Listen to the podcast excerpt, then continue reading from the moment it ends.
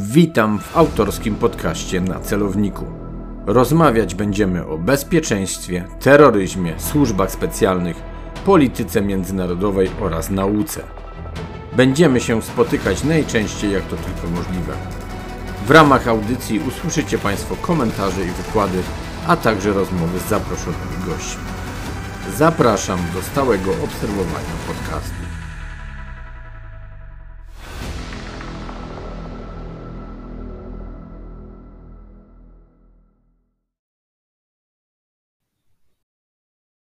Przy mikrofonie Artur Dubiel, Wyższa Szkoła Bankowa. Kontynuujemy nasze spotkania z zaproszonymi gośćmi. Dzisiaj moim i Państwa gościem Ryszard Machnikowski, socjolog, doktor habilitowany, profesor Uniwersytetu Łódzkiego, dziekan Wydziału Studiów Międzynarodowych i Politologicznych. Witam serdecznie. Dzień dobry, witam Arturze, witam Państwa. Panie profesorze, jest Pan e, ekspertem m.in. od przemocy politycznej, terroru. Wie Pan tak naprawdę, jak pewne kwestie w stosunkach międzynarodowych się odbywają. Mówimy oczywiście o tej negatywnej, często agresywnej stronie.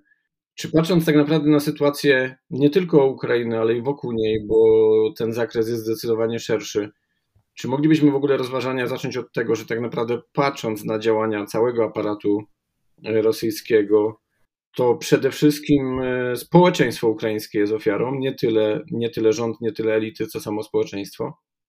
Tak, ja myślę, że tak można na to spojrzeć, chociaż no, powiedziałbym tutaj, że też nie bez pomo pewnej pomocy amerykańskiej i myślę, że będziemy ten temat też e, rozwijali.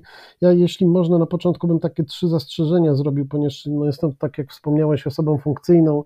Na początek jednak zwykle takie zastrzeżenie robię, że no, w tej rozmowie będę przedstawiał tylko i wyłącznie moje, w cudzysłowie, prywatne poglądy i w żaden sposób nie reprezentuję Oczywiście instytucji, którą e, wymieniłeś, czyli ani Wydziału, ani Uniwersytetu. E, druga taka rzecz e, bardzo ważna, no ponieważ będziemy się pewnie zajmowali tymi ciemnymi stronami rzeczywistości i, natury ludzkiej i tego, co, co ludzie potrafią innym ludziom robić, no, miejmy świadomość powagi tych wszystkich rzeczy, bo ja, wiesz, spotykam się bardzo często z taką sytuacją, że na analitycy tam mówią o wojnie, wiesz, o jakichś takich strasznych rzeczach, głodzie, konsekwencjach wojen, i to jest takie zupełnie beznamiętne, żeby tego nie podkreślać za każdym razem, no po prostu zdajmy sobie sprawę z tego, że to, to, to, to są okropieństwa, tak, generalnie rzecz biorąc będziemy mówili o tych mm, straszliwych rzeczach, które się ludziom przydarzają ze strony innych ludzi i, i miejmy świadomość, że no, takie łatwe, łatwe mówienie, operowanie statystykami, za każdym z tych statystyk, za każdym z tych wydarzeń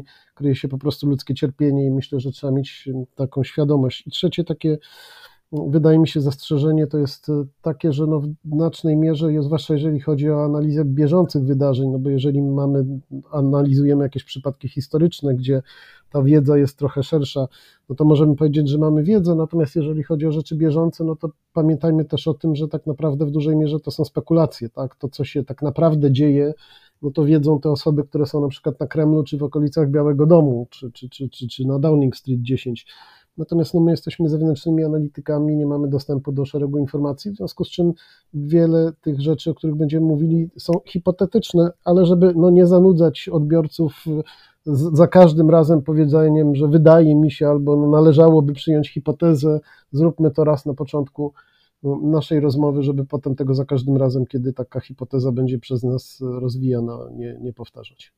Oczywiście y, tutaj w ramach y, poprzednich y, moich rozmów nagrywanych dla, na potrzeby podcastu, zdaje się, że dr Raubo właśnie to podniósł, że nie wolno też tak naprawdę sytuacji obecnych odnosić do pojedynczych też w ogóle sytuacji w historii, tak, że musi to być jednak szerszy, szerszy obraz, ale wróćmy do tego, do czego, od czego chciałem zacząć, bo działania militarne oczywiście to jedno i te obrazy są straszne. Reuters bardzo często pokazuje E, właśnie obrazy z Ukrainy, gdzie przystają mieszkańcy i, i patrzą na tablicy na, na zdjęcia poległych i robi to wrażenie, bo, bo te tablice są dość, dość spore i za każdym zdjęciem e, jednak stoi tragedia ludzka szersza, nie tylko tej osoby, ale całej rodziny i znajomych.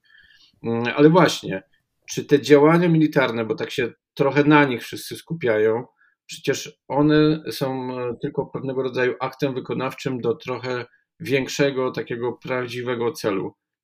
przy okazji zapytałem też o to społeczeństwo ukraińskie jako ofierze, bo zdaje się, że część tych działań, które mają miejsce, ma właśnie na celu zastraszenie tego społeczeństwa, zdemotywowanie go, przyczynienia się do tego, aby nie było chęci do, e, do walki, a nawet i oporu e, mniejszego czy większego. Jak to właśnie jest z tymi działaniami, z działaniami militarnymi, tym prawdziwym celem, a, a, a tak naprawdę tym terrorem na, na tym społeczeństwie ukraińskim? Tak, no ja nawet nie wiem, czy dzisiaj nie ma rocznicy tej niebiańskiej sotni, tak jakby, czy Ukraińcy nie obchodzą dzisiaj, y, czy, czy, czy w każdym bądź razie w okolicach właśnie daty, w której rozmowę przeprowadzamy. No, pamiętajmy o tych wydarzeniach z 2014 roku, z lutego, o tych wszystkich ludziach, którzy zginęli na, na Majdanie. Tam to zdjęcie i te fotografie i te tablice w dalszym ciągu przecież jak chodzimy po Majdanie w Kijowie mm, są dla upamiętnienia tych wydarzeń, no ale to oczywiście, tak jak powiedziałeś, jest pewien, no te, te, te wydarzenia układają się w pewien proces polityczny i ten proces polityczny no, trwa od momentu tak naprawdę rozpadu Związku Radzieckiego, który no, przetransformował ten porządek globalny, prawda, po roku 91, po rozpadzie Związku Radzieckiego i, i tych instytucji, które Związek Radziecki czy Sowiecki budował, mm, czyli Układu Warszawskiego i, i RWPG, no, rzeczywistość geopolityczna czy geostrategiczna uległa zasadniczej zmianie. No, konwencjonalnie przyznajemy, że ta strona sowiecka przegrała, poległa w zimnej wojnie, e, strona amerykańska, zachodnia zwyciężyła. No i oczywiście miało to swoje konsekwencje w postaci powstania tych państw e, niepodległych, które no, wchodziły w orbitę wpływów e, Federacji Rosyjskiej, bądź też z tej orbity wpływów chciały się wyrwać. No wiele tych przypadków jest przecież bo mamy do czynienia też z Mołdawią, pamiętajmy o tym Gruzją wcześniej, prawda? Mołdawia no to jest y, pewne działanie rosyjskie wobec społeczeństwa w postaci trans, Naddniestrza, czyli Transniestrii, jak to się też nazywa. W przypadku Gruzji no to jest Abchazja, więc pewien motyw y, postępowania rosyjskiego, taki, taki, taki rytm, rym, nawiązując do słów Marka Twaina, że historia się nie powtarza, ale rymuje, czyli ten rym postępowania rosyjskiego w sytuacjach kryzysowych y, jest i on był przed Putinem. Chyba jest podobny, tak? Tak, to i proszę zwrócić, zwróć uwagę, proszę zwrócić uwagę, że to jeszcze jest przedputinowskie, prawda, no bo przecież y, Naddniestrze to, jest, to są lata 90. Pewne działania w odniesieniu do Republik Kaukaskich też były podejmowane przecież w latach 90., także tutaj nie, nie można tego w cudzysłowie zwalić tylko i wyłącznie na politykę putinowską, ale no generalnie takie, takie modus operandi państwa rosyjskiego wobec tego, co oni nazywają e, bliską zagranicą. Natomiast no zawsze, zawsze zaszło, zaszło za tym to, o czym mówiłeś i o co pytasz, czyli zastraszanie tych społeczeństw, bo taki terror wobec społeczeństw, w odróżnieniu od terroryzmu, który zwykle no, konwencjonalnie przyjmuje się, jest stosowany przez te podmioty niepaństwowe, prawda? Rosja jest podmiotem państwowym, w związku z czym raczej mówimy o sianiu terroru niż e, aktach terrorystycznych, chociaż oczywiście Rosja może akty terrorystyczne wspierać, sponsorować, tak jak to robił Związek Sowiecki przecież jeszcze w czasach istnienia także. I parę przypadków z historii jednak pokazuje, tak. nie, do, nie wszystko jest może udowodnione, ale śmiało można stwierdzić, że przecież e, ten terroryzm był stosowany po to, aby znowu usprawiedliwić pewne interwencje zbrojne. Tak, jest to pewien, pewien, pewien modus operandi, pewne działania są podejmowane w szerszej perspektywie politycznej, prawda? Bo my też musimy pamiętać o tym, że no jednak mimo wszystko nawiązując do, do tych słów Klausewica, że wojna jest przedłużeniem polityki tylko innymi środkami, że za tym stoi zwykle jakiś zamysł polityczny, prawda? Jeżeli nie mamy do czynienia z rządem szaleńców, a nic na to nie wskazuje, chociaż gdyby tak było, no oczywiście to byłaby taka zasadnicza zmiana jakościowa, ale do tej pory no, ekipa, która rządzi Kremlem, prawda, zwłaszcza od momentu, kiedy Putin przejął władzę, no można powiedzieć, jest wzorem takiego zimnego, wyrachowanego, no właśnie, słabiej rozumianego na Zachodzie, ale jednak pragmatyzmu. Tak? Ryszard, czy Putin to faktycznie tym wszystkim rządzi, czy jednak on jest tylko twarzą? Bo mi się wydaje, że mimo wszystko jest twarzą czegoś większego.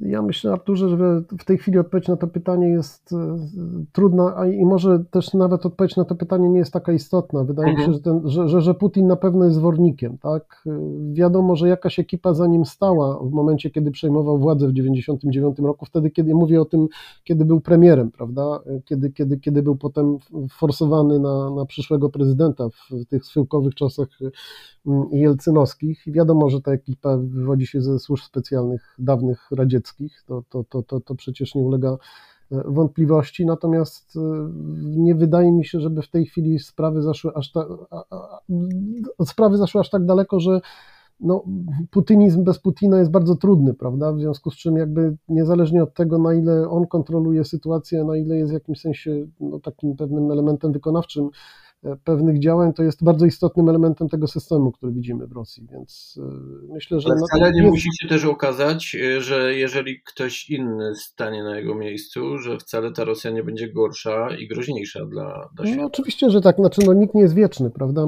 No, chodziły plotki, prawda, że Putin miał nawet chorobę nowotworową, czy ma, jest w jakiś sposób leczony, no zresztą w tym roku będzie obchodził 70. rocznicę urodzin. No wiadomo, że przywódcy radzieccy do, dożywali czasami bardzo sędziwiego wieku i niektórzy byli mocno nieprzytomni w momencie, kiedy schodzili z tego świata. Ale no wiadomo, że przecież no, w perspektywie, no może dla nas to jest, dla nas, dla mojego pokolenia to jest jednak dość odległy termin, prawda, 10 czy 20 lat, ale dla młodych ludzi, którzy być może także będą słuchali tego podcastu, no 20 lat to, to jest jednak relatywnie horyzont czasowy, który, który, który są w stanie bez problemu osiągnąć, w związku z czym no, można z dużą dozą prawdopodobieństwa powiedzieć, że nawet jeżeli nie za 10, to za 15 lat Putina przecież nie będzie, no bo on nie jest wieczny. Ja bym tutaj bardzo przestrzegał właśnie przed takim spojrzeniem, że za Putinem może, za Putina może być ktoś po prostu, no, może, może się okazać jeszcze gorszy, prawda? Także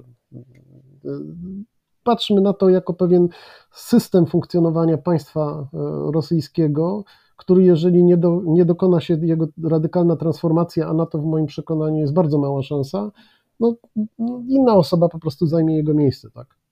Jasne, wyszliśmy, a właściwie sam wspomniałeś trochę o e, państwach, gdzie Rosja wprowadza bardzo prosty mechanizm e, zamrożonych konfliktów. No i ktoś, ktoś ostatnio zapytał tak naprawdę, czy to, co się dzieje na Ukrainie, nie ma podobnego schematu, który już ma na zawsze tak naprawdę zablokować ją przed y, jakąkolwiek integracją z Zachodem, czy to pod względem politycznym, gospodarczym, czy, czy tym bardziej militarnym.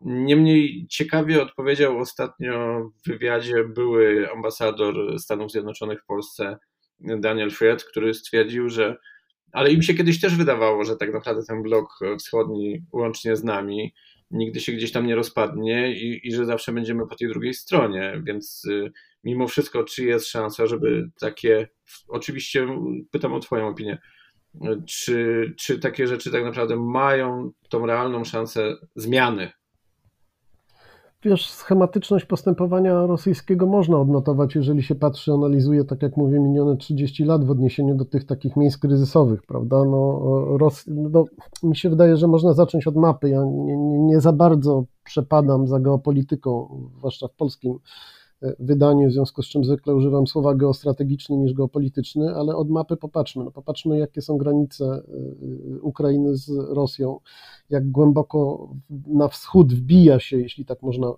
brzydko to określić, Ukraina w to, w to, w to, to rosyjskie mm, mm, jestestwo.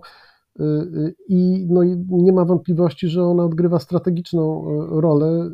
Nie ma oczywiście tutaj, wydaje mi się, co dyskutować, bo to jest dość oczywistą oczywistością, że Rosja nie może dopuścić do takiej sytuacji, w której Ukraina weszłaby do NATO. I y, no, to, co widzieliśmy w 2014 roku, było no, jednym z aktów e, tego przeciwdziałania rosyjskiego. Na pewno nie pierwszym i na pewno nie ostatnim, bo to też w dłuższej perspektywie można by analizować, ale na to zwyczajnie nie starczy nam mm, czasu. Natomiast wydaje mi się, że to, co w tej chwili widzimy, tak, bo to osoby, które obserwują jakąś rzeczywistość międzynarodową, bardziej skupiają się na tym, co się w tej chwili dzieje, niż na tej historii. Przecież 2014 rok dla wielu pewnie słuchaczy to są lata bardzo zamieszłe, kiedy byli bardzo młodzi. Mm, myślę tutaj pewnie o Twoich studentach, Arturze, mhm. i mogą po prostu to, to, co my, że tak powiem, przeżywaliśmy i widzieliśmy, no dla nich to jest po prostu takim elementem dość abstrakcyjnym, w związku z czym skupiając się na tym, co się dzieje, na pewno nie jest aktem ostatnim. Rosja no, tak długo, jeżeli, jak będzie w stanie, no, nie, nie, nie dopuści do takiej sytuacji, żeby Ukraina weszła do NATO. Tak Dobra, a taki mały, political, taki mały political fiction. Chcemy rozwiązać szybko sytuację, mamy problem z Putinem w nocy ogłaszamy, że Ukraina została przyjęta do NATO. Byłoby to sensowne rozwiązanie, czy jednak dałoby pretekst i tak naprawdę Putin w pewien sposób na to czeka tylko? To znaczy, wiesz, ja napisałem o tym, w związku z czym tu akurat nie jest to jakąś taką wielką tajemnicą, że w momencie, ja powiem wcześniej, w momencie, w którym wniosek Ukrainy o wejście do NATO zacząłby być poważnie rozpatrywany przez Stany Zjednoczone i tym samym przez NATO, bo tak naprawdę jak myślimy NATO, to, to, to, to znaczy mówimy NATO, myślimy, myślimy o Stanach. Stany Zjednoczone, no w, w tym momencie dojdzie do tego, o czym się mówi w tej chwili, czyli pełnoskalowej inwazji na Ukrainę. W moim przekonaniu najbardziej prawdopodobny jest wariant no, utworzenia wschodniej Ukrainy i zostawienia jakiejś kadłubowej zachodniej Ukrainy. Tam, gdzie będzie można, gdzie, gdzie będzie można stłoczyć uchodźców, którzy będą uciekali, nie będą chcieli zostać na wschodzie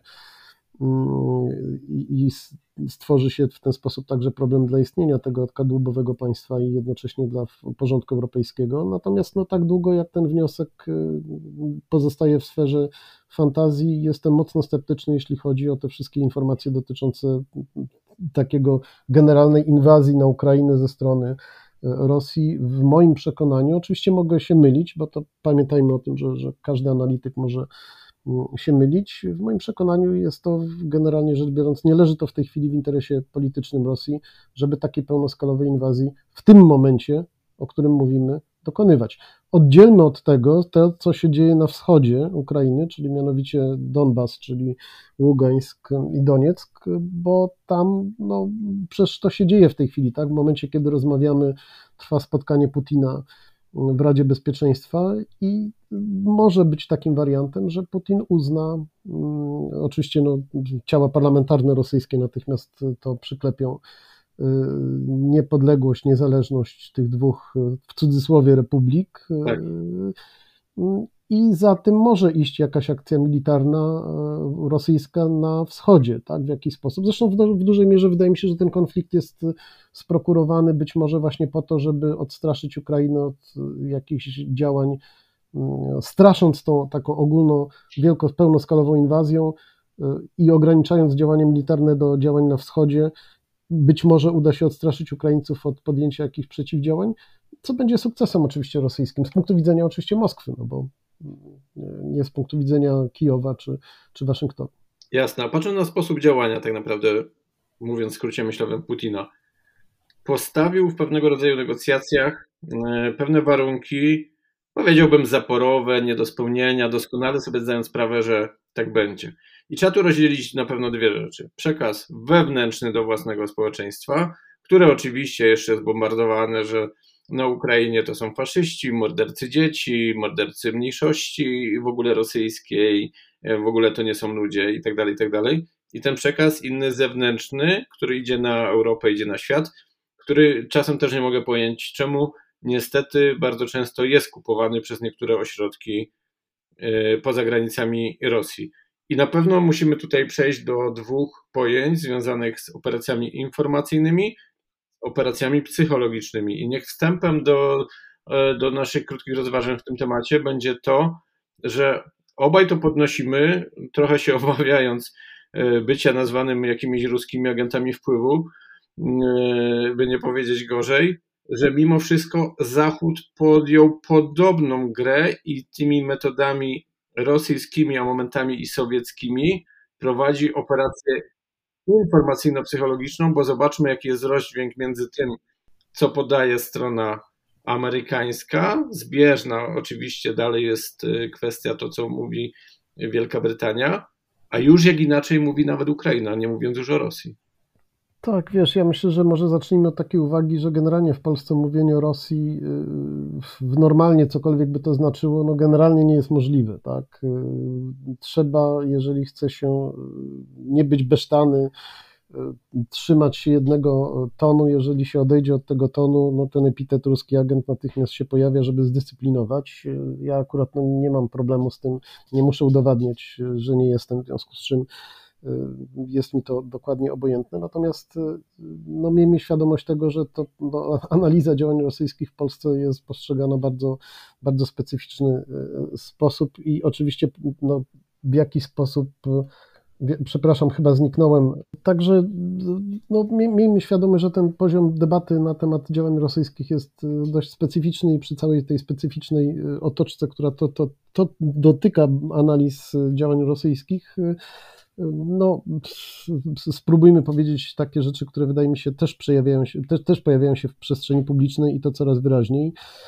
Ja myślę, że w tej chwili, dopóki oczywiście nie będziemy mieli fizycznej obecności y, wojsk rosyjskich na ziemiach ukraińskich, poza tym, co wiemy już y, o tej obecności na, na ziemiach ukraińskich, które które, które są obecnie okupowane przez dwie republiki, prawda? Bo, bo tutaj pamiętajmy, że zawsze się zastrzegamy, że ta obecność jest od 2014 roku. Natomiast jeżeli nie dojdzie do dalszej eskalacji działań militarnych ze strony Rosji, to w dużej mierze no, mamy do czynienia z operacją psychologiczną, operacją wpływu, prawda? Gromadzenie wojsk wokół granicy, nagłaśnianie tego gromadzenia, prowadzenie szeregu mm, ćwiczeń jest taką presją o charakterze psychologicznym i o charakterze informacyjnym. I być może tego nie wiemy, bo to o tym będziemy mogli powiedzieć na 100% za jakieś 2-3 tygodnie, może za miesiąc, jeżeli byśmy mieli taką okazję porozmawiać na ten temat. Wtedy będzie można więcej z większym stopniem pewności powiedzieć. Być może o to Rosjanom e, chodziło. Być może jest to konflikt, który jest rozgrywany właśnie na tej płaszczyźnie psychologiczno-informacyjnej. No ale, Strona no, zachodnia prowadzi coś podobnego, tak? Y, mówiąc o rzeczach, które jakby nie do końca się potwierdzają, albo inaczej, są nie do końca zbieżne z tym, co mówi strona ukraińska. I teraz można się zastanawiać, owszem, cel i sens jest po stronie Amerykanów i Brytyjczyków, aby w ten sposób pewne rzeczy przedstawiać, ale no, po jakimś czasie, jeżeli by się to nie potwierdzało, no to społeczność jako odbiorca stwierdzi, no zaraz, ktoś nas tutaj robi, mówiąc kolokwialnie, w konia, tak? Tutaj musi się pojawić znowu retoryka tego typu, że coś się nie wydarzyło, ponieważ myśmy właśnie to nagłośnili. No to jest, to jest ryzyko. Znaczy, strona zachodnia zawsze może wyjść z tego, że się nie zdarzyło, dlatego że o tym mówiliśmy, prawda? Tak. Także ten, ten, ten dyskurs zachodni może być taki, no w ten sposób udało nam się Rosjan powstrzymać. Udało nam się powstrzymać Putina, przekazywaliśmy źródła wywiadowcze, no, znaczy dane wywiadowcze, nie źródła wywiadowcze, ale dane wywiadowcze, mm, które, które, które powstrzymały dalsze rosyjskie działanie, bo cała publiczność światowa wiedziała, co się wydarzy, zanim to się e, e, zdarzyło. Więc oczywiście, jeżeli jest tutaj taki bezpieczny wentyl dla strony zachodniej tłumaczenia hipotetycznie z punktu widzenia rozmowy w dniu 21 lutego 2022 roku, no bo za, tak jak mówiłem, za miesiąc czy dwa będziemy więcej na ten temat wiedzieć i będziemy pewni pewnych hipotez, bo one zostaną zweryfikowane przez rzeczywistość. Natomiast y, w tej chwili oczywiście jeżeli by się do, do, do tego nie doszło, no to w ten sposób strona zachodnia będzie się tłumaczyła. No to była skuteczna metoda mm, powstrzymywania Rosji przed dalszymi działaniami o charakterze e, zbrojnym i to się nam udało.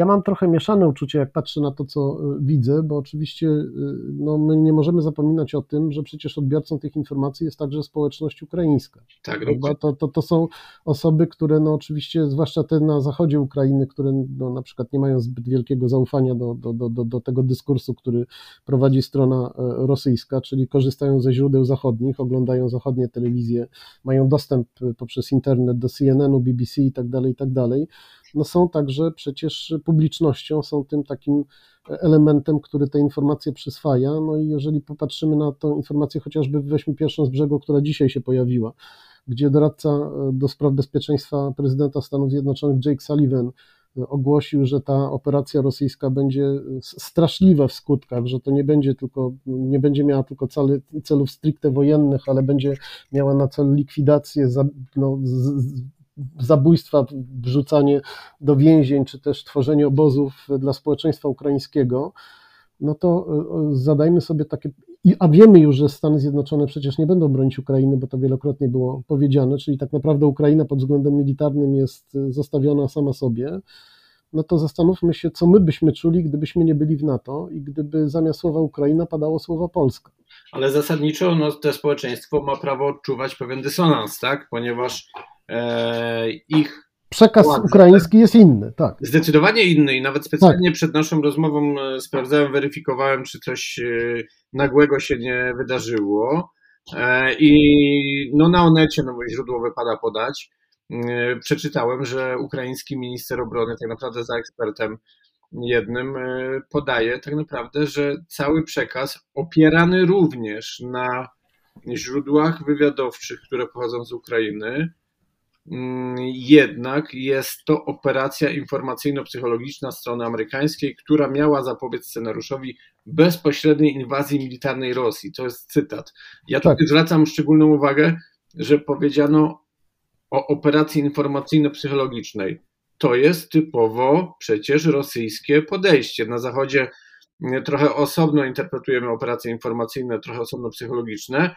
Różne mamy podejście, które podchodzą pod co. Rosjanie w pewien sposób traktują je łącznie.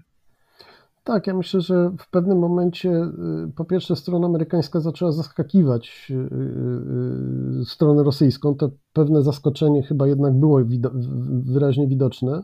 Natomiast wiesz, no tak naprawdę na dobrą sprawę to post factum będzie można to dobrze zanalizować. Natomiast ja powiem w tej chwili, tak na gorąco, bo to są rzeczy, które się dzieją, w związku z czym zastrzegam, no można, można, można, jest duże prawdopodobieństwo popełnienia błędu, ale to, co robią Amerykanie i Brytyjczycy, w moim przekonaniu no, kłóci się z tym wszystkim, co ja wiem na temat operacji psychologiczno-informacyjnych, dlatego że zwróć uwagę, że w ten sposób Rosjanie no, tak naprawdę mogą, no, przecież my jesteśmy zalewani nieustannie, dzień w dzień, godzina w godzinę informacjami, jak wskazują źródła wywiadowcze, jak wskazują źródła satelitarne, i teraz e, co Rosjanie e, muszą zrobić, żeby no, wskazać, że ten wywiad amerykański, brytyjski no, nie jest najlepszym na świecie wywiadem, delikatnie mówiąc.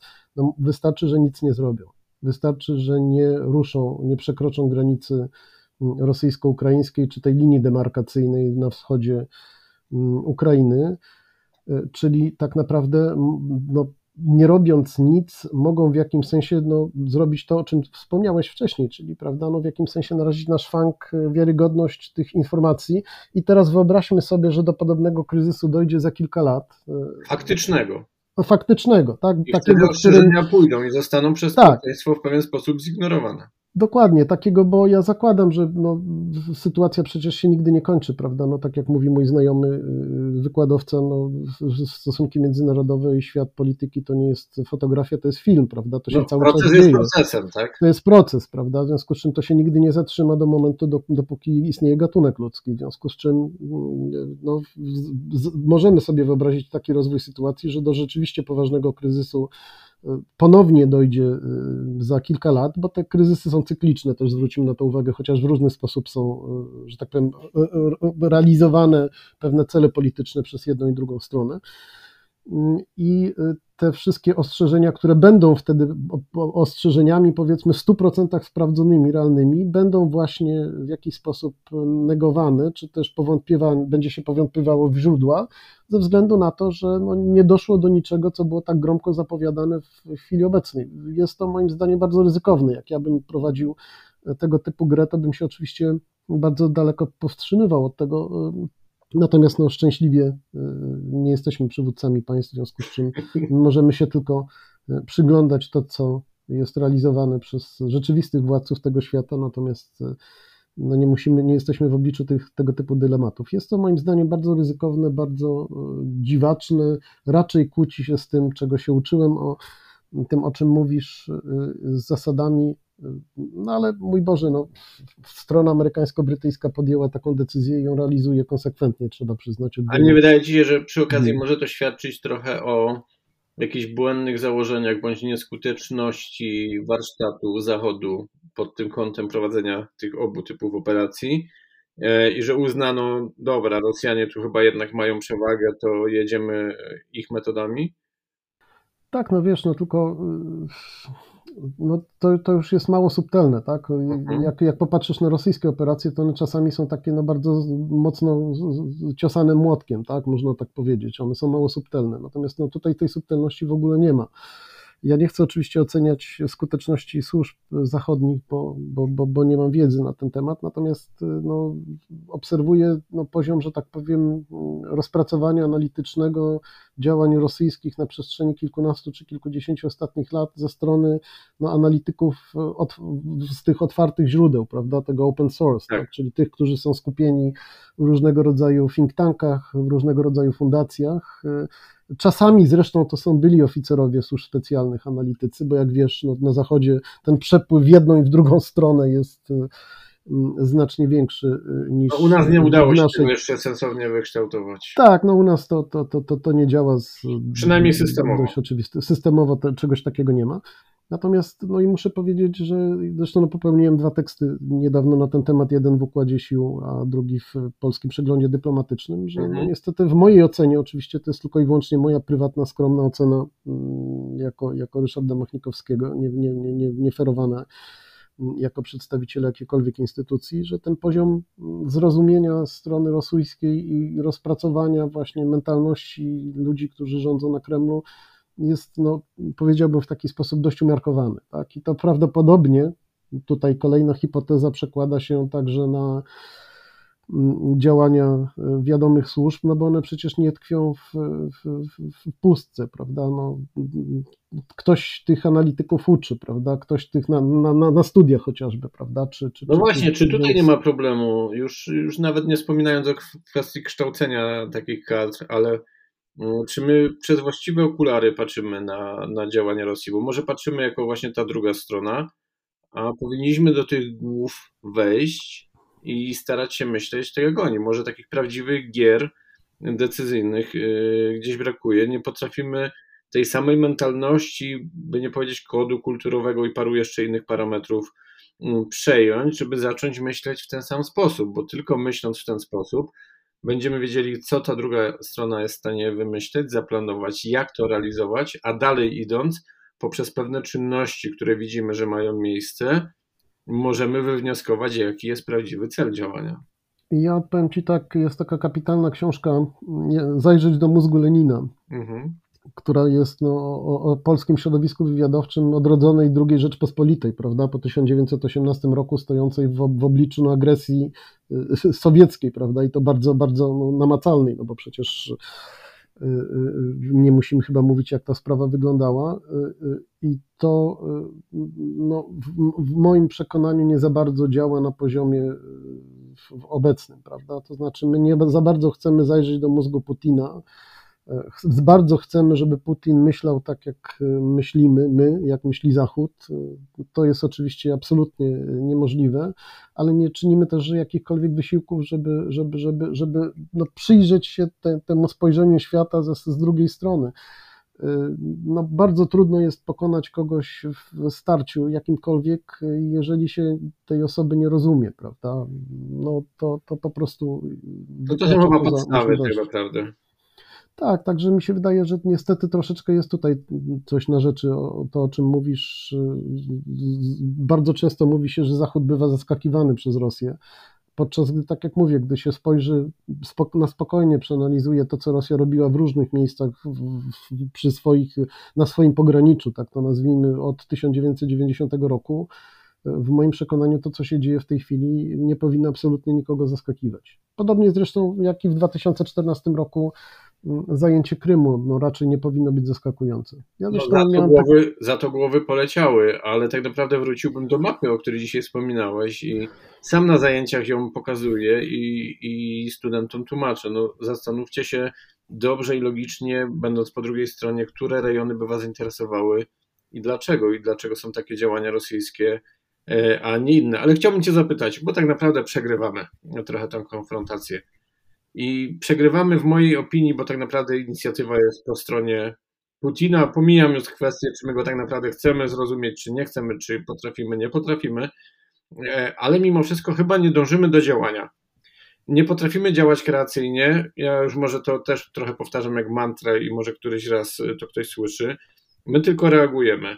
Mm, przecież tak naprawdę, jak się dobrze zastanowić, nieuniknione jest pewnego rodzaju przesilenie i zwrot, nie spodoba ci się to, ale geopolityczny i przecież musi się zmienić, tak? Musi się coś zmienić, tylko jeżeli ma się coś zmieniać, to powinno się to zmieniać na warunkach naszych.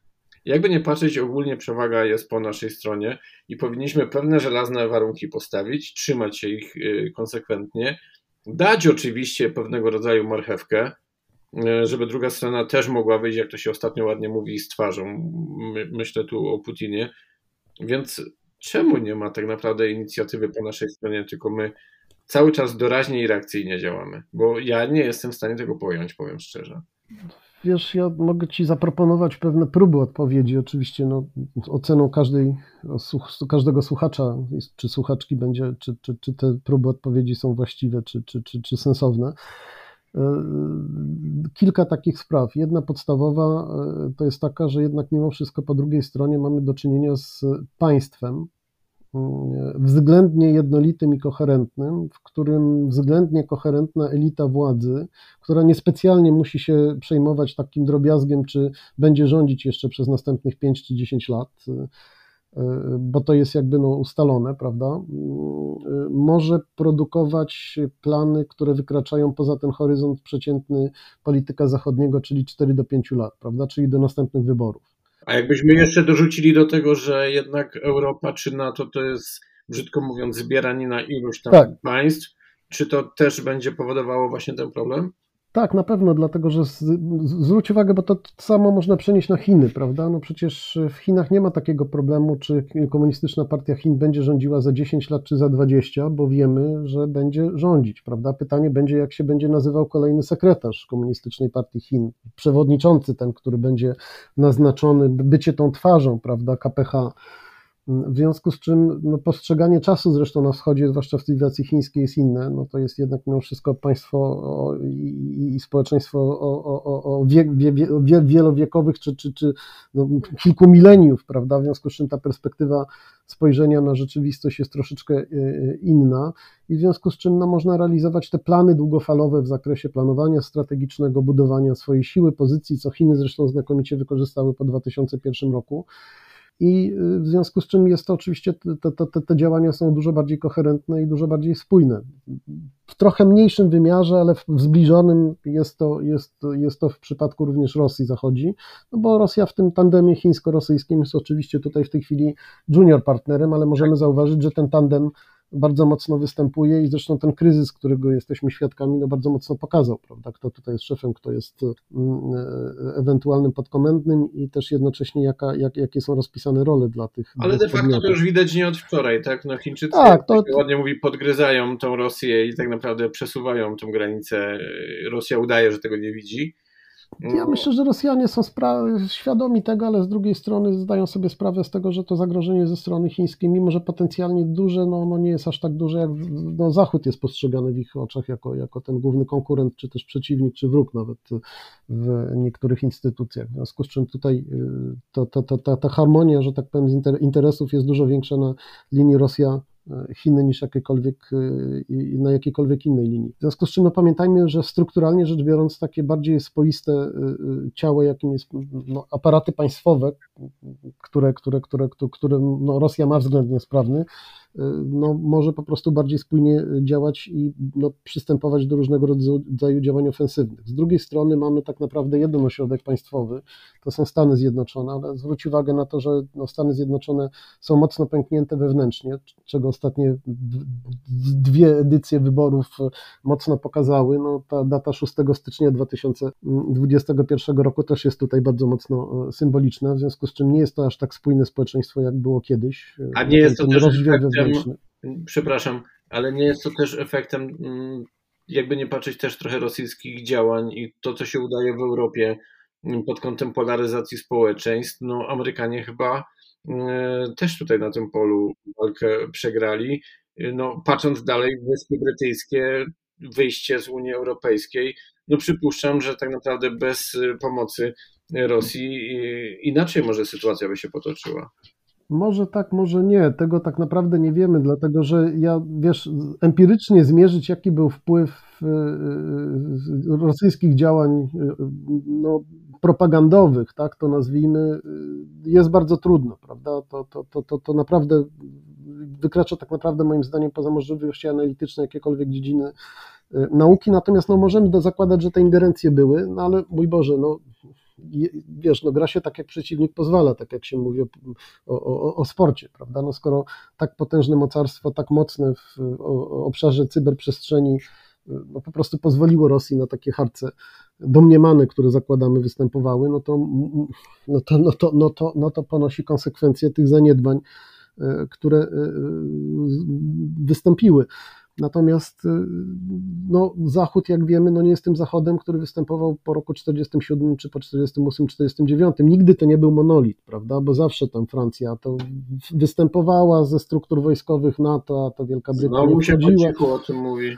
Tak, w związku z czym oczywiście no, nigdy to nie był monolit, ale w czasach zimnej wojny no, można powiedzieć, że było w miarę spoiste, dlatego że ten hegemon był bardzo wyraźny, prawda? No, Stany Zjednoczone były bardzo wyraźnym mm, hegemonem natowskim i po roku no, mniej więcej 90, no, zwłaszcza po 2001, ta hegemonia amerykańska była coraz mniej widoczna na Zachodzie. Natomiast y, w jakimś sensie zwróć uwagę, co się zdało, zdarzyło w przypadku y, tego kryzysu. No, Stany Zjednoczone próbują wejść na tą pozycję, tak? próbują odzyskać tą swoją siłę i tą swoją pozycję pozycję na Zachodzie jako niekwestionowanego przywódcy, bo nawet Francja i Niemcy, jak widzimy zapewne, no, grają swoje, ale y, już tak otwarcie nie są w stanie artykułować swojej odrębnej pozycji w wielu sprawach, szczególnie vis-a-vis Ukrainy, jak to było jeszcze powiedzmy rok czy półtora roku temu. W związku z czym też wydaje mi się, że ten kryzys był takim dobrym, mm, y, może i nieprzypadkowym wydarzeniem, który, który, który pozwala Rosji, przepraszam bardzo, Stanom Zjednoczonym odzyskać swoją, no jednak mimo wszystko niższą, zmniejszającą się w perspektywie czasowej e, pozycję na Zachodzie i być może także o to tutaj w tym, co widzimy, częściowo chodzi. A czemu tak naprawdę wszyscy przyjmują taką postawę skruszoną, delikatną, asekurancką i cały czas o wszystkim, co się mówi, to cały czas jest dodane słowo, że to jest defensywne czy to do broni, czy do innych działań, czy rozwiązań. No tak, aż bardzo się boimy tej Rosji i nie chcemy jej rozdrażnić, to przecież w pewien sposób tak naprawdę i tak ją napędza. No, z całą pewnością, dlatego że no, nie istniały jednolite zachodnie plany wobec Rosji, prawda? No bo popatrzmy na to, co robili w energetyce Niemcy, prawda? No przecież to była i jest tak naprawdę do tej pory bardzo daleko idąca współpraca, gdzie interes niemiecki był bardzo wyraźnie i jasno y, określony y, i jest w dalszym ciągu. Zresztą zwróć uwagę na to, że w tych wszystkich informacjach dotyczących możliwych sankcji, które Zachód chce y, na Rosję, jeżeli zostanie przekroczona granica ukraińsko-rosyjska lub też linia demarkacyjna na wschodzie Ukrainy, to bardzo słabo się mówi o ewentualnej możliwości oddziaływania na NS2. No teraz w tej chwili, prawda, powiedziano, że tak jest. No, ukraiński prezydent się zaostrza. Tak. Ukraiński prezydent bardzo, bardzo się tym oburza i mówi, no co nam z waszych sankcji, jeżeli ktoś tak. do nas wjedzie, tak? I wydaje tak, mi się, no, że jest to całkowicie sensowne i nie ma się co mu dziwić, tak? No oczywiście, że tak. No przecież mm, co komu po tym, że Rosjanie nie będą mogli korzystać ze SWIFT-a, jak y, wojska rosyjskie będą stacjonowały w Kijowie czy w Odessie, prawda? No to przecież to, to, to, to z punktu widzenia osób, które będą w poddaniu rosyjskim, to nie ma tak naprawdę większego znaczenia, bo co innego, inne, inne i gorsze problemy będą mieli y, na głowie, w związku z czym zwróćmy uwagę, że nie ma jednolitości, prawda? Nie ma takiego jednolitego podejścia. Rosja nie była przecież postrzegana, to zresztą chyba ci potwierdzi każdy, kto miał kontakt z, w jakiejkolwiek instytucji zachodniej, jako państwo generalnie rzecz biorąc, które może stawiać procesy. To jest pewnego rodzaju zmiana, która może zaistnieć w wyniku tego kryzysu, że także w Hiszpanii czy w Portugalii, gdzie w ogóle te sprawy no, wschodnie w ogóle nie były przedmiotem żadnego zainteresowania, co też wynika z geografii, prawda? Tak, Popatrzmy tak. sobie, jak odległe to jest, mm, jak odległe to jest miejsce. W tej chwili y, to się może zmienić. Pytanie, na ile ta zmiana będzie trwała, na ile ten kryzys, którego jesteśmy świadkami w tej chwili, jest w stanie trwale zmierzyć, y, zmienić postrzeganie Rosji jako no, mniej lub bardziej partnera w różnego rodzaju interesach, y, które Zachód może prowadzić? No na to pytanie będziemy wiedzieć z kolei no nie za miesiąc, czy za dwa, tylko za trzy, czy za pół roku, czy za rok. Rysiu, ale jest... czemu tak skromne osoby jak my od lat pewne rzeczy widzimy, mówimy ciszej, głośniej, a wyżej tego nie widać? No czy jednak interesy tak naprawdę mm, pewnych osób, które jeszcze są w polityce, a potem przechodzą do biznesu i myślę, że wiesz o czym mówię, y, jednak biorą górę. No nie mam pojęcia, no my jesteśmy przecież tylko tak naprawdę akademikami, tak, czyli mój Boże, no co my możemy zrobić? Możemy próbować wpływać na młodzież poprzez naszą działalność no, na niwie zawodowej, prawda, czyli nauczanie, edukację, no natomiast no przecież my tak naprawdę nie mamy żadnego wpływu na decyzje polityczne.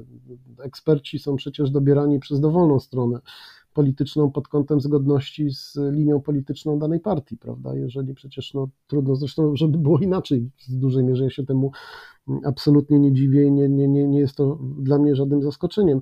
No, trudno się spodziewać, że, że jakiś minister spraw wewnętrznych dobierze sobie, czy zagranicznych, czy, czy, czy MON dobierze sobie takiego eksperta, który będzie za każdym razem mówił nie, panie ministrze, ale myli się pan, nie, panie ministrze, nie jest tak, jak pan sądzi, no to, to, to polityka tak nie działa, w związku z czym, no wiesz... Ale pamiętam jednak czasy, że wyjeżdżało się do Warszawy i niektórzy zapraszali i chcieli poznać opinię kogoś, kogoś z zewnątrz. Ale dobra, nie drążmy tego.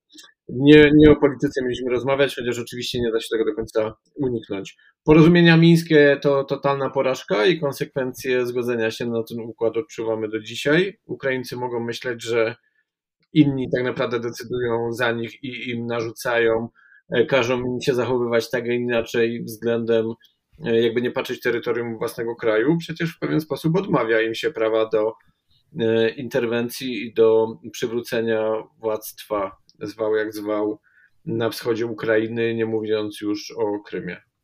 Wiesz, to ja tutaj znowu zbuduję taką piętrową e, konstrukcję hipotetyczną. Mhm.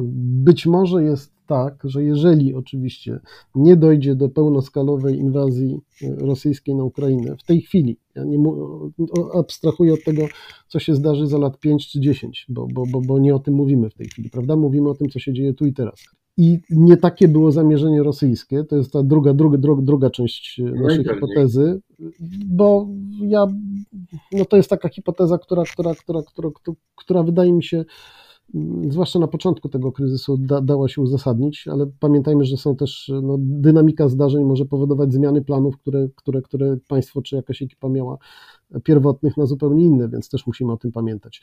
To nie wiem, czy przypadkiem y, ten sprokurowany przez Rosję kryzys nie był także takim chęcią wymuszenia no, uznania tych porozumień mińskich, prawda? Bo te porozumienia mińskie z punktu widzenia ukraińskiego są dla Ukrainy bardzo, bardzo niekorzystne. Y, Rosjanie przecież o tym mówią, prawda? No niedawno o tym wspominał minister spraw zagranicznych na konferencji w Monachium Chin, że jedyna droga do rozwiązania problemu Ukrainy to jest y, przez porozumienia y, mińskie. No one de facto tak naprawdę powodują, że istnieje przynajmniej daleko idąca mm, niezależność tych terytoriów wschodnich od, od państwa ukraińskiego. No, ale facto... umówmy się, no to ta wypowiedź najpewniej wynikała tak naprawdę z no ze wzajemnej koalicji, że tak się wyrażę, tak, Chiny, Chiny a Rosja i na pewno można było się spodziewać akurat takiego, a nie innego przekazu. No inny by mnie chyba zaskoczył jednak. Tak, ale, ale wydaje mi się, że tutaj no, Chiny są niezwykle ważne w przypadku, gdyby, gdyby, gdyby ja nie, nie, wiem, czy w interesie Chin jest w tej chwili rozpętywanie konfliktu na obrzeżach Europy, prawda? A myślę, że jakieś te wpływy chińskie jednak na, na, na działania rosyjskie coraz zwiększające się są coraz bardziej widoczne. Druga rzecz jest taka, no, gdyby rzeczywiście Zachód skorzystał z tej broni atomowej czyli wykluczył Rosję z e, różnego rodzaju systemów bankowych.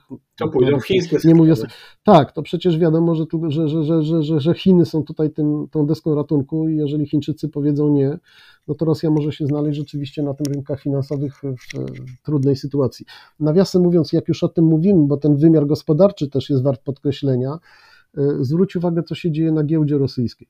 Y, y, jak mówimy o tych operacjach amerykańskich, y, domniemanych, prawda, operacjach przeciwko Rosji, prowadzonych w taki dość toporny, no niemniej jednak konsekwentny sposób, to efektem tych operacji jest tąpnięcie na giełdzie rosyjskiej. Czy ono odniesie taki skutek, jak Amerykanie planują, to nie wiem, natomiast jest to bezwzględnie faktem, czyli być może zarzucanie świata tymi informacjami, Rosja jest już gotowa, Rosja grzeje silniki, Rosja za chwilę wejdzie, jeśli nie jutro, to pojutrze, jak nie pojutrze, to za, za dwa dni, co nawiasem mówiąc słyszymy chyba od miesiąca. Tak mm, nie ma na celu właśnie tak do no, wywołania pewnego rodzaju kryzysu no jakby nie patrzeć, ekonomicznego. Jest to zapędzanie zwierzyny pod ścianę. Tak, no to jest jedna rzecz, druga, no... Tylko wiemy, co zwierzyna pod ścianą robi, kiedy już nie ma wyjścia, nie? Tak, poza tym wiesz, no to jest kwestia taka, że jeżeli tanieją jakieś mm, przedsiębiorstwa, no to można je taniej kupić, prawda? Do, dobre pytanie dla analityków to jest, kto, kto kupuje w tej chwili, to, bo, bo, bo kto sprzedaje, to wiemy, prawda? Wiemy, że inwestorzy wycofują się z, z, z, z rynku rosyjskiego no pytanie, kto będzie kupował te przedsiębiorstwa, prawda, i za jaką cenę, prawda, czy czasem nie da się taniej kupić tego, co, co, co, co jeszcze 3 czy 4 tygodnie temu było całkiem drogie, więc, ale to jest no, dla analityków gospodarczych, ja w tym obszarze praktycznie nie, nie funkcjonuję, więc jako, jako laik, że tak powiem, y, może bym zasugerował dla osoby, która się tym zajmuje, żeby spojrzał na te operacje właśnie na rynkach rosyjskich y, pod tym kątem. Natomiast wracając do, do rzeczy, bo myśmy tutaj zaczęli budować takie piętrowe mm, y, konstrukcje, no, sytuacja Ukrainy bezwzględnie jest trudna i to zarówno państwa ukraińskiego, jak i społeczeństwa ukraińskiego, bo ono jest poddawane nieustannemu bombardowaniu informacyjnemu z każdej strony, prawda? Za wyjątkiem no, oczywiście władz ukraińskich, które starają się tonizować te przekazy, no, z powodów dość oczywistych. Przecież wyobraźmy sobie, gdyby doszło do jakiejś no, takiej masowej paniki na Ukrainie, no to przecież władze ukraińskie musiałyby sobie mm, z, z tym radzić. Y, y, no, Ukraina wie już bardzo dobrze, że nie dostanie broni z Niemiec, czyli jasno jeden z kluczowych krajów e, tego formatu normandzkiego wypowiedział się e, na temat ewentualnej pomocy militarnej e, Ukrainie.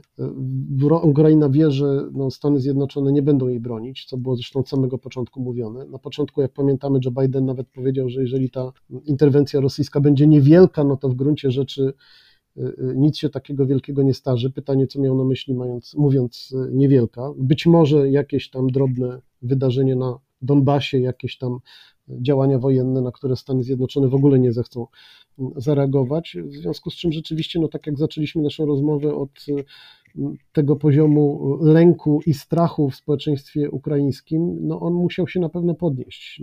I to jest niestety bardzo przykry i bardzo namacalny efekt. No, przecież mamy mnóstwo młodych ludzi, studentów ukraińskich na uczelniach także w Polsce, prawda? Przecież oni y, oglądają także polską telewizję, jeżeli nie oglądają telewizji, bo młodzież no, telewizji się trzyma już o ile wiem w tej chwili z dala, no to przecież przeglądają różnego rodzaju portale internetowe, y, różnego rodzaju źródła informacji no, wyobraźmy sobie taką sytuację, że słyszymy o Polsce, prawda, że tutaj za chwileczkę potężny sąsiad na nas najedzie, że nie mamy szans, że nie dostaniemy broni, że, że sojusznik, o którym myśleliśmy, że jest sojusznikiem, nie będzie tak naprawdę nas bronił. No, my zakładamy, że jesteśmy w NATO, więc nas to nie dotyczy, ale gdybyśmy przez jakąś taką empatię postawili się w miejscu Ukraińców, no, wyobraźmy sobie, co, co byśmy odczuwali w takiej sytuacji kiedy nie wiemy tak naprawdę, czy kolejna noc nie przyniesie zmiany w postaci no, dzikiego najazdu wojsk rosyjskich na, na, na, na, na, na swój kraj, prawda? No to, jest, to, to, to jest właśnie ten element, o którym na początku chciałem powiedzieć, ten element taki przerażający,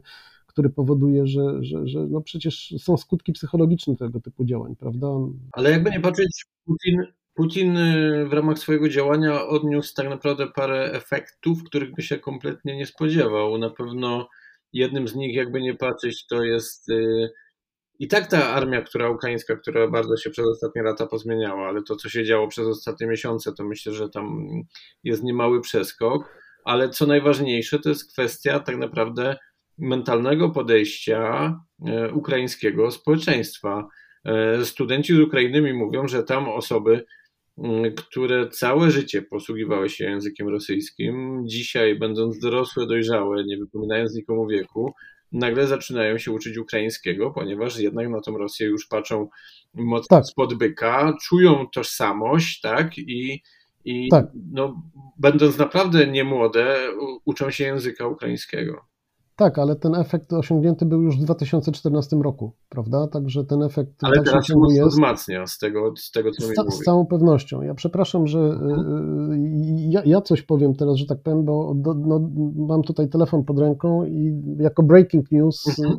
do mnie trafiła informacja, że Rosja zdecydowała się uznać republiki Ługańską i Doniecką. No i teraz pytanie, czy Zachód tak naprawdę się na to nastawiał, czy jak zwykle teraz będzie się dopiero zastanawiał, co, co zrobić? Czy jednak przewidziano ten scenariusz, jakby nie patrzeć, jeżeli jest decyzja na 50 na 50, no to należy się zastanowić, co dalej. I to jest bardzo, bardzo, bardzo mm, dobre pytanie. Nawiasem mówiąc, też w kontekście tych analiz historycznych, co zrobiła Rosja z Naddniestrzem i co zrobiła Rosja z Abchazją. No bo do Prawda? tego w sumie w pewien sposób chciałbym się też odnieść, bo. Y, ale poczekaj, Arturze, ja tutaj dodam do tego pytania, czy y, fakt uznania przez Rosję tego typu y, wydarzeń będzie wystarczający, żeby nałożyć na Rosję sankcje? Prawda? To jest bardzo istotne pytanie, na które wkrótce, w ciągu powiedzmy 72 czy, czy trochę dłuższego okresu czasu, uzyskamy odpowiedź ze strony Zachodu. Prawda? Czy Zachód e, dojdzie do wniosku, że jeżeli to nie nastąpiło fizyczne naruszenie granic tych no tak jak mówię, linii demarkacyjnej i e, no, jakichś granic między, na, na, na północy Ukrainy z Rosją, to w gruncie rzeczy tak naprawdę Zachód na to da przyzwolenie, co będzie kolejnym takim elementem rozpoznania bojem intencji Zachodu ze strony rosyjskiej, bo w dużej mierze, w moim zdaniem, ten kryzys jest takim rozpoznaniem bojem mm, na razie e, bardziej straszeniem niż rzeczywiście użyciem siły ale ten, ten, ten, ten, ten, ten wymiar, jak widzisz, jest bardzo, bardzo, bardzo realistyczny. Ale ten kasus Krymu tak naprawdę tutaj będzie, no bo tak. uznali republiki, to stwierdzą, tak. że legalne tak. są wybory, tam na pewno tak. przegłosują, że chcą się przyłączyć tak. do Rosji i sprawa jest w pewien sposób jakby jasna, tylko bo ja akurat tą sytuację, o której powiedziałeś, czyli uznaniu tych dwóch republik, mm, mi się inne pytanie nasunęło. Oczywiście ono nie podważa tego, co co powiedziałeś, ale czy Rosja wiedząc, że pewne prowokacje mogą się nie udać, bo abstrahując od tego, w jaki sposób te operacje informacyjne czy psychologiczne po stronie Zachodu, czytaj Stanów Zjednoczonych, Zjednoczonych i Wielkiej Brytanii, w jaki sposób wyglądały, to być może jednak spowodowały to, że te plany najróżniejszych prowokacji, tak, które gdzieś tam już zalążki tego mieliśmy, trochę spaliły. E, I czy to właśnie nie był kolejny taki krok, etap, aby jednak w ten sposób przejąć te tereny? I pytanie, e, patrząc znowu na kasus Gruzji, czy nie chciała Rosja tak naprawdę w pewien sposób sprowokować Ukrainy do wojny wyprzedzającej? Pamiętajmy tak, no coś, co jest prawnie, e, w prawie międzynarodowym zakazane, aby znowu mieć ten pretekst, tak. Y, wjeżdżamy, wjeżdżamy, bo my bronimy prawa międzynarodowego.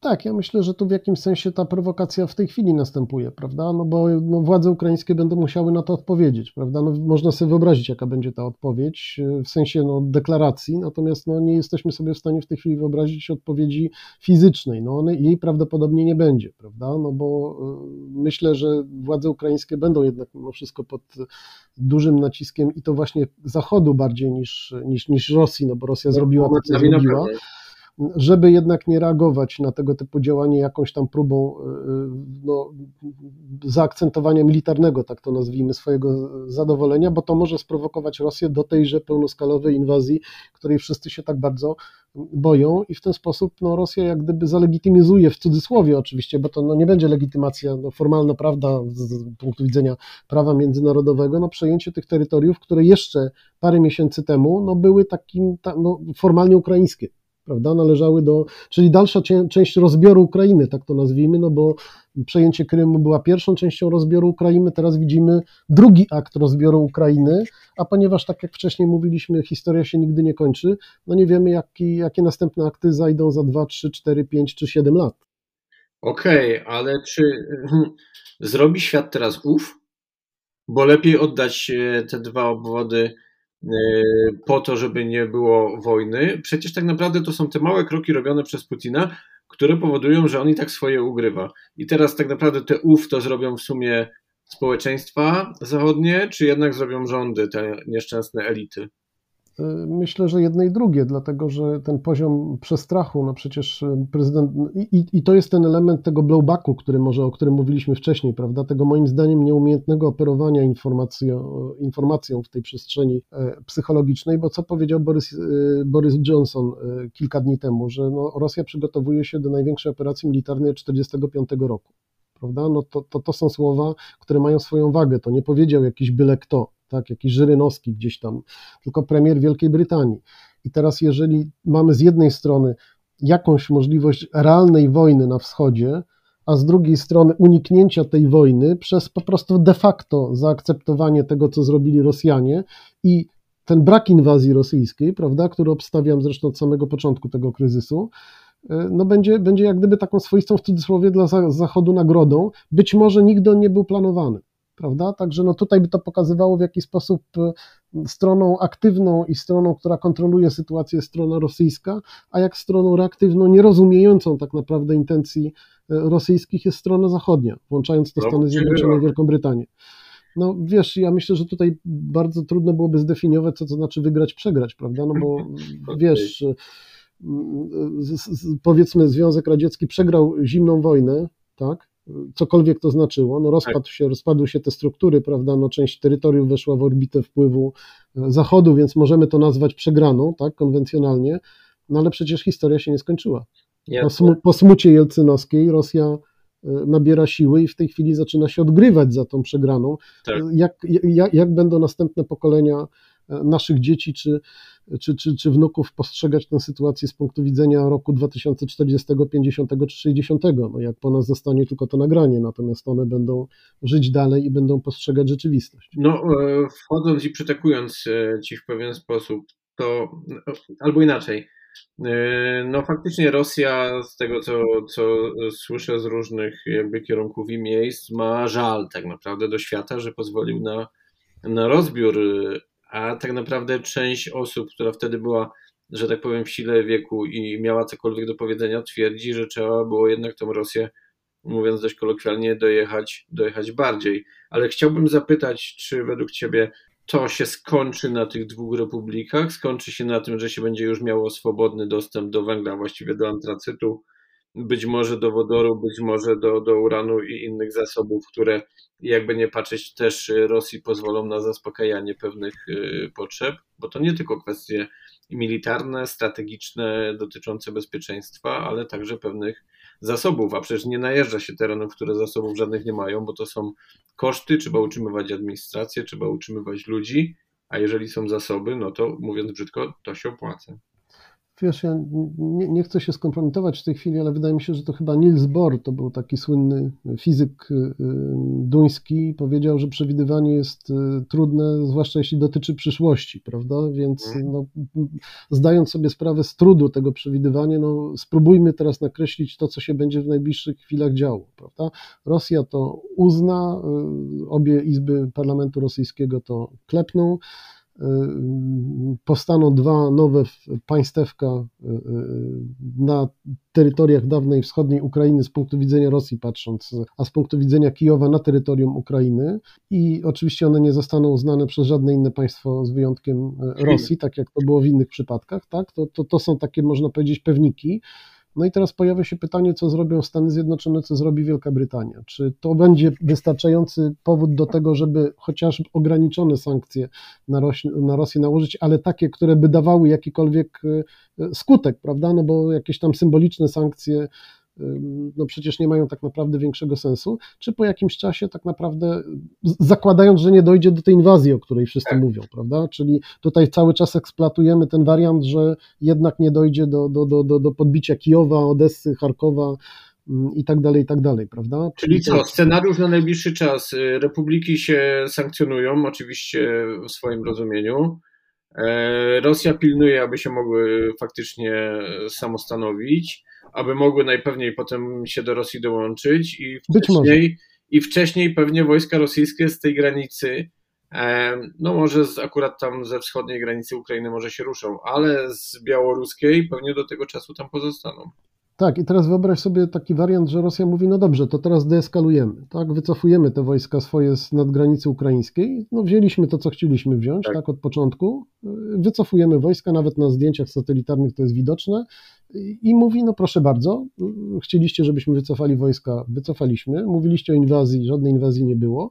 No, przy okazji y, y, wzięliśmy y, dwie republiki nieuznawane nie, przez nie, one same do nich za swoje, prawda? Tak, czy tam no, referenda będą w, tak. w, jakiś sposób organizowane, no to Rosja ma w tym bardzo duże doświadczenie, bo przecież jak w, po 17 września 1939 roku zostały włączane tereny dawnej Polski, to przecież też w październiku były referenda, prawda?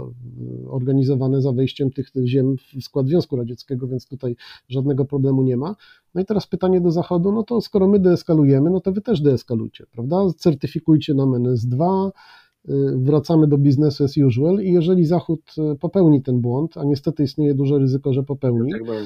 Mm, i tak będzie, no to myślę, że następny rozdział tej smutnej y, historii, którą w tej chwili obserwujemy, pojawi się za 2, 3, 4, 5 lat, kiedy Rosja spróbuje znowuż jakiś kawałek Ukrainy uszczknąć z takiego czy innego powodu, bo będzie po prostu przekonana o swojej bezkarności, tak, o skuteczności działań, które podjęła w obliczu tego kryzysu, które dały taki skutek, jaki, jakie, jakie miały z punktu widzenia Kremla oczywiście dać. No i da, nie chciałbym rozwijać dalej tych wątków, bo one prowadzą w bardzo przykre, smutne regiony. Pojawia się pytanie, czy Zachód wreszcie otrzeźwieje i E, czy popatrzy realistycznie na rzeczywistość i realistycznie na Rosję. Tak? No ale pewnie to jest efekt tak naprawdę szerszego planu, aby wcześniej e, pewne ośrodki na Zachodzie, bo przecież niekoniecznie wszystkich, należy względem siebie jakoś uzależnić i to wystarczy potem, aby, aby się działo tak, jak się działo. I w tym momencie tak naprawdę za chwilę się okaże,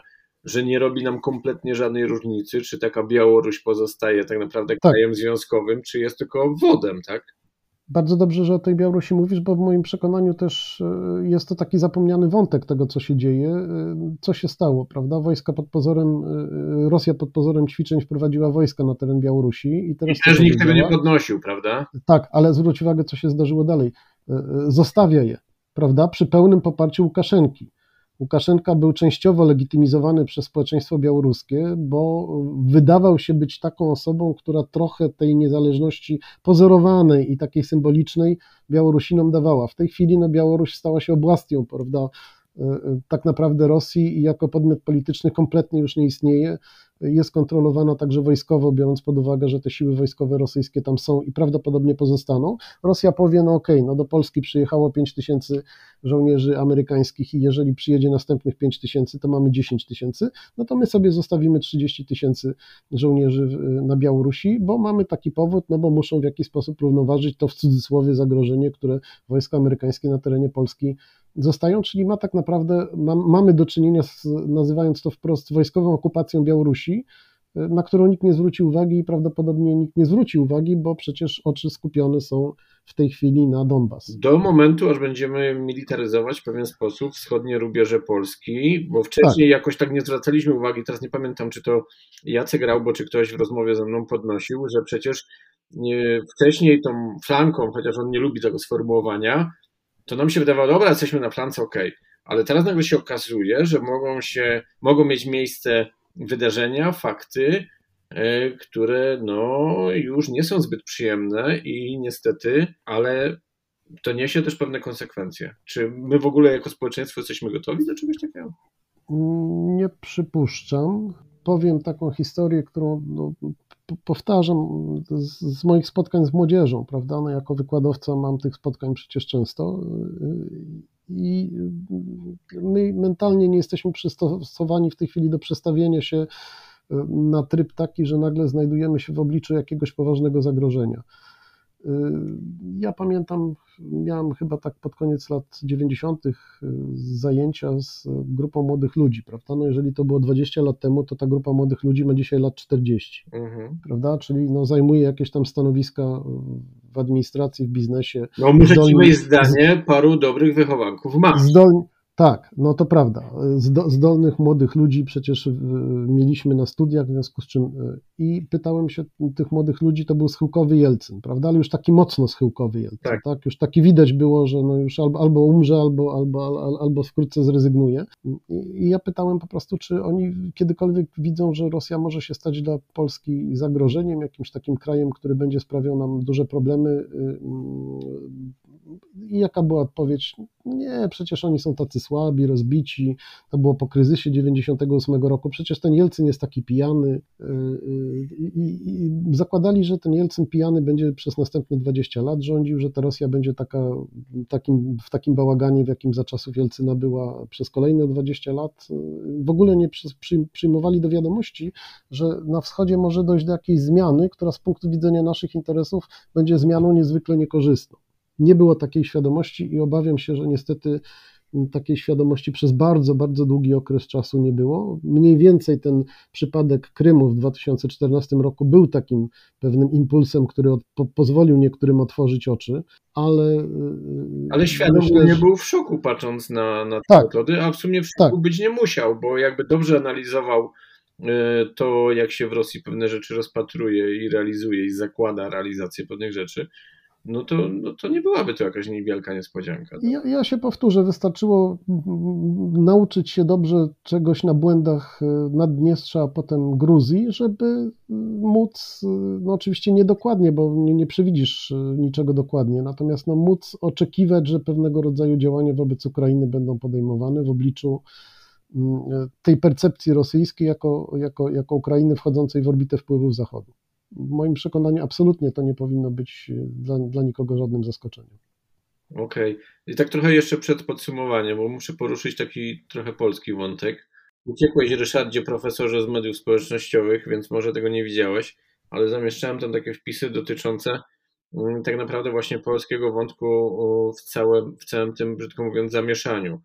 E, bo w przypadku ataków na serwery ukraińskie pojawiały się komunikaty między innymi po polsku, tak? Oczywiście było też e, o, o naszych wspólnych, ciężkich, historycznych jakby relacjach z Ukrainą, no co miało co nieco sugerować. Z drugiej strony ostatnie doniesienia e, mówią, że prowokatorzy ukraińscy, w cudzysłowie oczywiście tak naprawdę powinno to być, na wschodzie Ukrainy mówili po polsku, przeprowadzono tam też e, ataki, gdzie sparaliżowano sieć powiadamiania ratunkowego.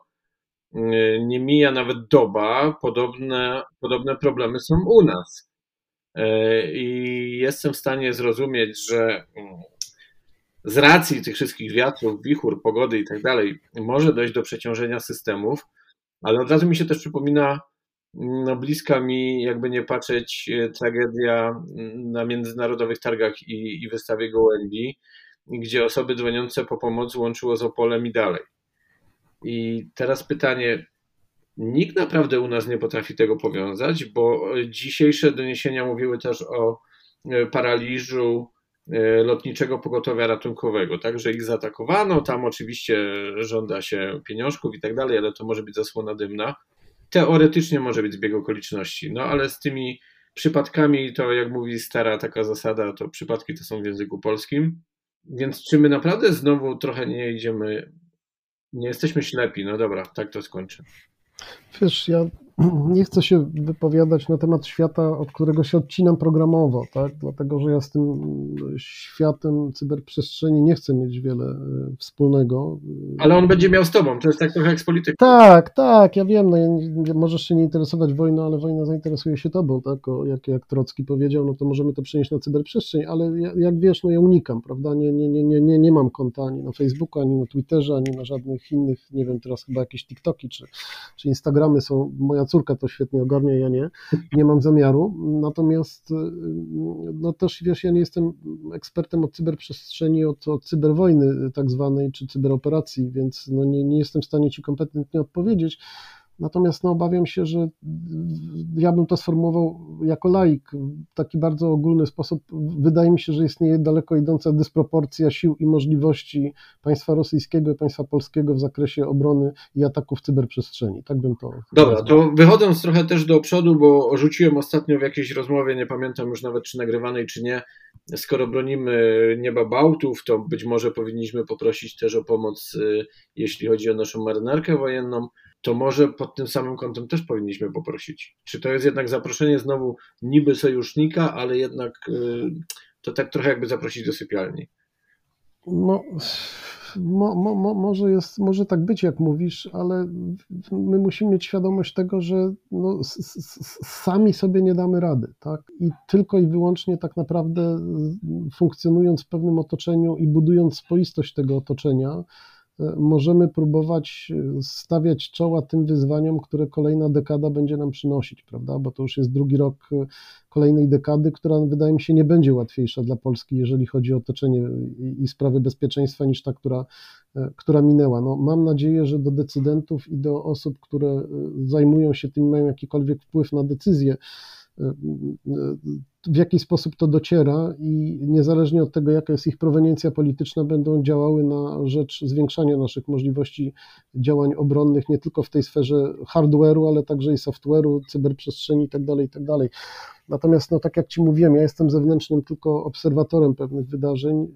Sprawuję w tej chwili funkcję władczą, ale w obrębie mojego wydziału, co jest zaledwie drobną cząsteczką funkcjonowania państwa polskiego. Wiem, jak trudne jest sprawowanie władzy dzięki temu, chociaż ta władza jest bardzo ograniczona, więc wiem, jak dużo problemów mają na sobie ci, którzy tę władzę realną sprawują. Natomiast no, w moim przekonaniu, no, myślę, że także pewne otwarcie oczu ze strony społeczeństwa powinno nastąpić, bo jeżeli społeczeństwo nie będzie dostrzegało pewnych rzeczy, no to jego emanacja w postaci przedstawicieli, którzy potem wchodzą do parlamentu i formułują rządy, no będzie taka sama, tak?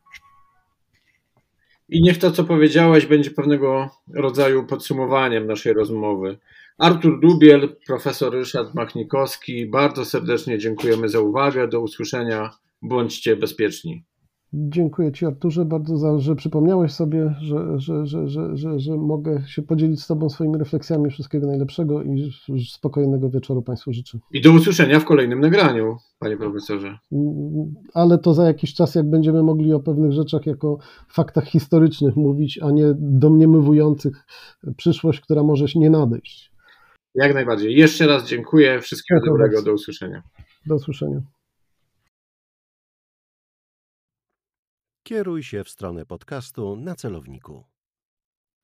Wszystkie odcinki podcastu na celowniku dostępne są w platformach podcastowych Spotify, Apple Podcast, Google Podcast, Anchor, a także w serwisie YouTube. Zapraszam również do wspierania podcastu na celowniku w portalu Patronite pod adresem patronite.pl ukośnik na celowniku.